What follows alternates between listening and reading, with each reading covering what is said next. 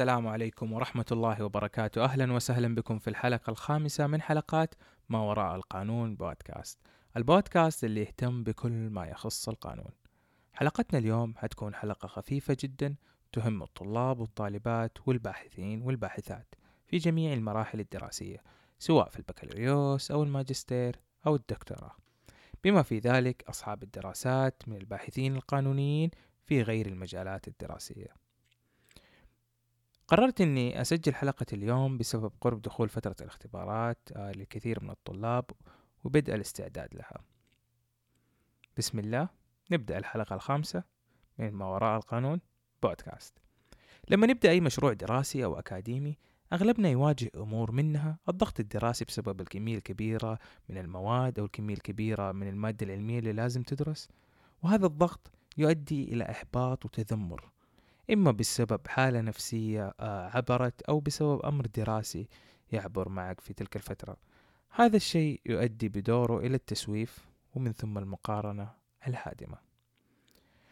في الأولى أقصد الضغط الدراسي تقدر تتعامل معها بوضع جدول دراسي أو بحثي تستطيع الانقضاء منه في وقت محدد وبشكل سلس. ولكن في حال لم تستطيع إنجاز عدد من المهام في الوقت المحدد لأي سبب من الأسباب يبدأ الإحباط بالتسلل لداخلك وتبدأ موجة التذمر أو الحلطمة زي ما يقولوا. للأسف أن البعض يستهين بهذا الموضوع والحقيقة أن هناك الكثير من المشاكل الدراسية تكون بدايتها بسبب مشاكل عقلية أو نفسية على الفرد التعامل معها قبل إلقاء اللوم والتذمر على أمور أخرى أو على الآخرين. فعلى سبيل المثال يعد القلق من أكثر المشاكل التي تواجه الطلاب والطالبات والباحثين أثناء دراستهم. مفتاح باب القلق زي ما يقولوا ماذا لو تلاقي أغلب اللي عندهم القلق الزايد بسبب الدراسة أو البحث دائما عندهم عبارة ماذا لو كيف لو؟ طيب لو صار. طيب إيش حسوي لو جبت درجة ضعيفة؟ طيب كيف لو الدكتور أعطاني حرمان؟ وإلى آخره من سلسلة ماذا لو بكل صراحة نحن نعيش في أكثر عصر بشري يعاني من القلق ويعتبر القلق أحد أشد الآفات العقلية في عصرنا لفتني في أحد المرات وأنا بشوف فيلم قانوني كان عن تبادل أسرى جواسيس في فترة الحرب الباردة هو ردة فعل الجاسوس السوفيتي لما بيسأل محاميه فيما معناه أنه أنت ما تقلق فرد عليه وقال له بكل بساطة هل سيساعدني القلق؟ أو بالنص السينمائي. Would it help? Would it help? عبارة قصيرة جدا رسخت في عقلي. من وقتها وأنا صرت أسأل نفسي هذا السؤال. كل ما يراودني القلق بخصوص أي شيء في حياتي. هل حيساعدني القلق؟ would it help؟ غالبا لا ما راح يساعدك. بالعكس راح يضخم لك الأمور ويجعلها أكبر من حجمها بكثير جدا.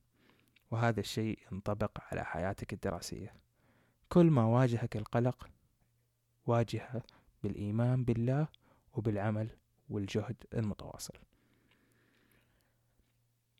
مشكلة أخرى تواجه الباحثين خصوصا في المراحل المتقدمة الماجستير والدكتوراه هو منافسة الوقت أو الحرب والسباق مع الوقت. الخوف والقلق من حدوث أمر غير متوقع يلخبط جميع الأوراق البحثية. مثلا عدم قبول مشرفك البحثي لمجهود أسابيع من إعداد خطة بحثية. وهنا يكون القلق بسبب الخوف ونعود لسلسلة ماذا لو. رسالة دائما نسمعها من حولنا. توكل على الله فهو حسبك. لا تتوقع بأن مجهودك راح يضيع أبدا كل ما واجهت صعوبات في حياتك. بالعكس كل هذه الصعوبات اللي بتواجهها الآن راح تتعلم منها. لما تواجه أمور مشابهة لها في المستقبل.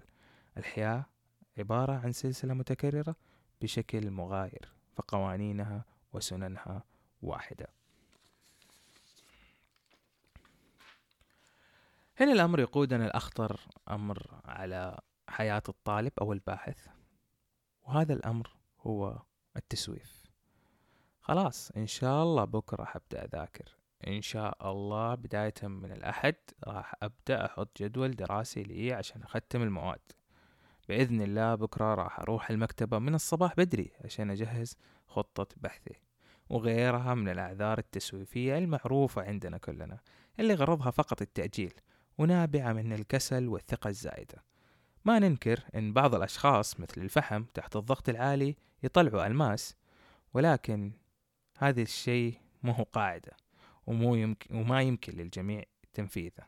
فعلى سبيل المثال الشخص اللي يقول لك أنا ما أذاكر إلا ليلة الامتحان هو يملك مهارات أخرى أنت ما تمتلكها. فهو مثلا يقرأ كثير في مجال القانون بالتالي يحتاج وقت أقل بكثير منك في الدراسة. أو الباحث اللي يجهز أطروحة بحث أكاديمي خلال أيام قليلة قبل موعد تسليمه. هو في الحقيقة يمتلك مهارات بحثية عالية جدا بالإضافة إلى امتلاكه بعض من المهارات الأساسية. أو مهارات ال soft skills اللي يعول عليها كثير من الطلاب الباحثين لإنقاذهم من مشاكل كثيرة في حياتهم الدراسية وهي مهارات يجب على كل طالب أو باحث تعلمها في البداية. التسويف والتفكير في الآخرين يؤدي إلى سلاح قاتل. هذا السلاح هو المقارنة. مقارنتك بالآخرين لا راح تودي ولا راح تجيب. حط لنفسك أهداف تبغى تحققها وقارن إنجازك مع نفسك في الماضي بنفسك في الحاضر. هذه هي المقارنة البناءة المقارنة اللي تدفعك للتحسن المقارنة اللي ما تولد حسد أو حقد في قلبك تجاه منهم أفضل منك. في أمور وبالتالي أكيد حيكونوا أسوأ منك في أمور أخرى. ما في شخص أحسن من أحد لكن في شخص أفضل من شخص في أمور معينة وأسوأ منه في أمور أخرى. تساؤل يجي دائما لكثير من طلاب القانون في المراحل الأولية بالذات. هو تساؤل ممكن يعتقد البعض أنه تساؤل سخيف جدا ولكنه في الحقيقة هو تساؤل منطقي جدا وهو كيف أذاكر؟ هذا السؤال ينسأل كثير. كيف أذاكر مواد القانون على سبيل المثال؟ في البداية ما في أحد يقدر يقول لك كيف تذاكر أو يعطيك آلية واحدة معينة للدراسة. وهذه الآلية هي الآلية الصحيحة وباقي الآليات جميعها آليات خاطئة. ولكن في آليات مجربة ونسبة نجاحها عالية بسبب تركيزها على الأمور الأساسية في أي إنسان. يعني هذه الآليات بتركز على أشياء موجودة في كل البشر بلا استثناء وتحاول أنها تعطي لها مجال أكبر في العملية الدراسية بحيث تأثر بالإيجاب عليك أنت كطالب أو باحث. مثلا خاصية التركيز. فكل ما كان تركيزك أكبر كل ما حصلت معلومات بفهم أكثر. وأشهر طريقتين متبعة للدراسة هي طريقة التلخيص وطريقة الحفظ. قد ينتقد البعض طريقة على حساب الأخرى ولكن كل شخص يملك طريقة مناسبة تناسبه ويستطيع تحقيق أهدافه الدراسية من خلالها. فطريقة التلخيص على سبيل المثال تعتمد على الذاكرة وأكثر المستفيدين من هذه الطريقة هم الذين لا يحبون قضاء أوقات طويلة في التعلم بالطرق التقليدية. وهذه الطريقة تعتمد على التعبير. فهي تسعى لفهم الأفكار الرئيسية ومن ثم إعادة صياغتها بطريقة مختلفة. لا تخرج عن سياق النص الذي تم التلخيص منه. مثل استخدام الخرائط الذهنية أو مدونات التلخيص أو التخطيط على المرجع العلمي أو استعمال الأوراق اللاصقة.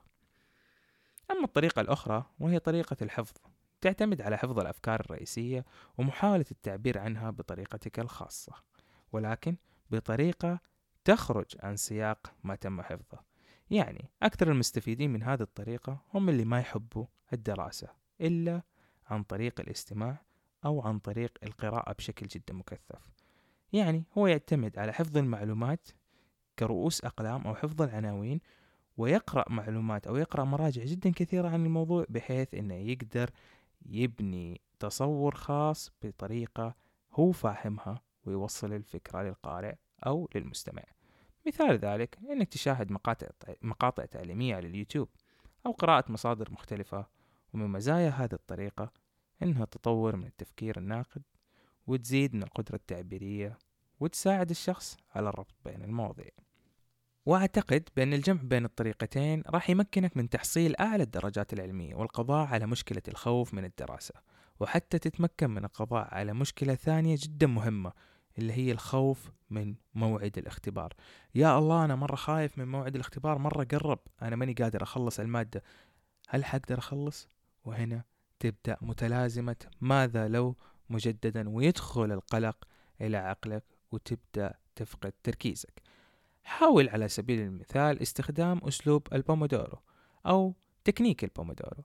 هو تكنيك فكرته المحافظة على تركيزك سواء في الدراسة أو في العمل.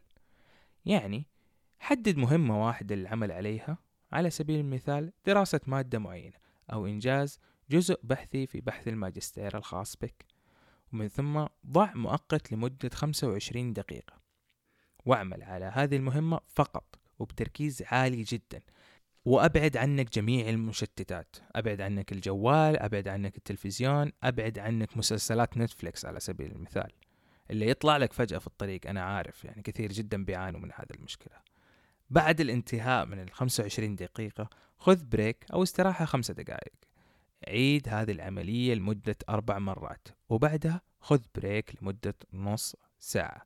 يعني بتكون درست أو عملت مية دقيقة بالضبط حوالي ساعة وأربعين دقيقة. بتركيز عالي جدا وإنجاز كبير جدا. ومن التطبيقات اللي تساعدك على استخدام هذه الطريقة هو تطبيق Focus Keeper أو تطبيق آخر Be Focused جميع هذه التطبيقات متوفرة على ال iOS وعلى الأندرويد. هرجع أعيد التطبيقات مرة ثانية. Focus Keeper أو Be Focused. أتمنى أن تكون حلقة اليوم حلقة مفيدة ومحفزة للطلاب والباحثين لإنجاز أعمالهم في الأسابيع القادمة وإنجاز أعمالهم كمان في حياتهم المهنية المستقبلية. ألتقيكم في حلقة قادمة بإذن الله في ما وراء القانون بودكاست. مع السلامة.